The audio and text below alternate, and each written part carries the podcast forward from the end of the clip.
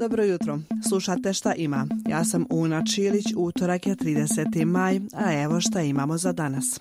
One, two, three, Danas u Bratislavi počinje trodnevni Globsek forum, na kojem će između ostalih učestovati i ministar vanjskih poslova BiH Elmedin Konaković. Ovogodišnji forum održava se pod nazivom Globalna krhkost, neizvjesna budućnost. Kako je najavljeno iz ministarstva, Konaković će učestvovati u panel diskusiji proširenja EU na pravom putu ili na čekanju. Osim njega, u panel diskusiji će učestovati ministar za evropske i međunarodne poslove Austrije, Aleksandar Schallenberg, ministar vanjskih poslova Sjeverne Makedonije Bujar Osmani, te zamjenica ministra evropskih i vanjskih poslova Albanije Megi Fino.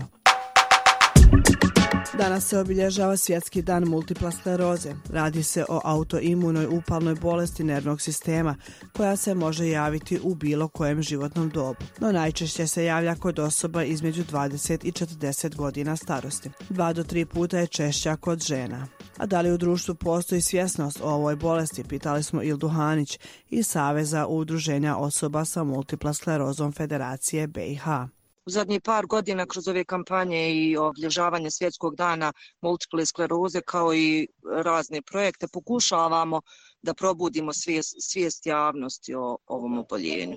A kada su u pitanju tretmani za oboljele od multipla skleroze, Hanić kaže da sve zavisi od kantona do kantona, dok najeftiniji lijekovi koštaju najmanje do 2000 mjesečno. Što se tiče kantona Sarajevo, ajde koliko toliko možemo reći da smo zadovoljni, ako nismo, ali što se tiče ostali kantona koje su članice našeg federalnog saveza, nismo zadovoljni.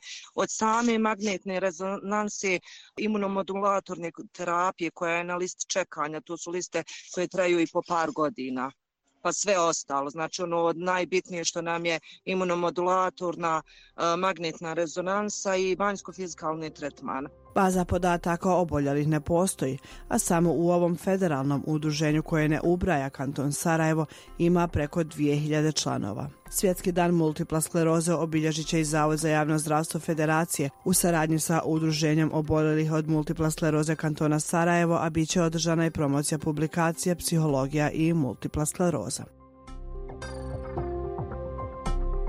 A danas iznad Sarajeva lete bombarderi. Tačnije 2 B-1B lancer bombardera zračnih snaga Sjedinjenih država koji će izvršiti niski prelet iznad Sarajeva i drugih gradova u BiH kao znak čvrstog partnerstva SAD-a i oružanih snaga.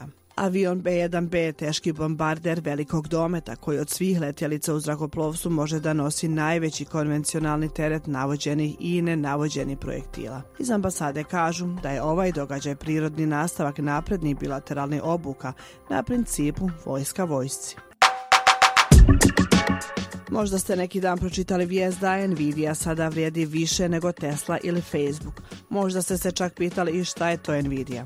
Radi se o kompaniji koja proizvodi grafičke čipove. No porast njihovi dionica od čak 24% u stvari je povezan sa umjetnom inteligencijom. Sve više kompanija kupuje njihove čipove jer su sposobni za procesuiranje velike količine podataka, a koji opet trebaju kako bi se trenirala umjetna inteligencija. Eric Lynch, generalni direktor Schaff Investmentsa, uporedio je boom oko umjetne inteligencije sa američkom zlatnom groznicom iz 1800. tokom koje su oni koji su zaradili najviše najviše novca bili dobavljači i oni koji su prodavali lopate.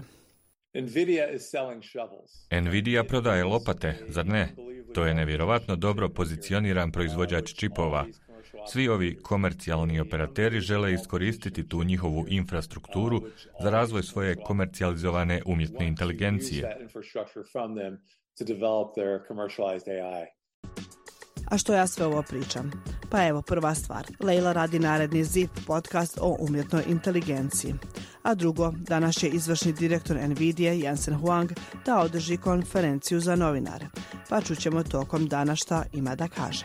One, two, three, Eto, to je sve od mene za danas. Ja sam Una Čilić, vi ste slušali podcast Šta ima. Čujemo se neki drugi put. Ćao.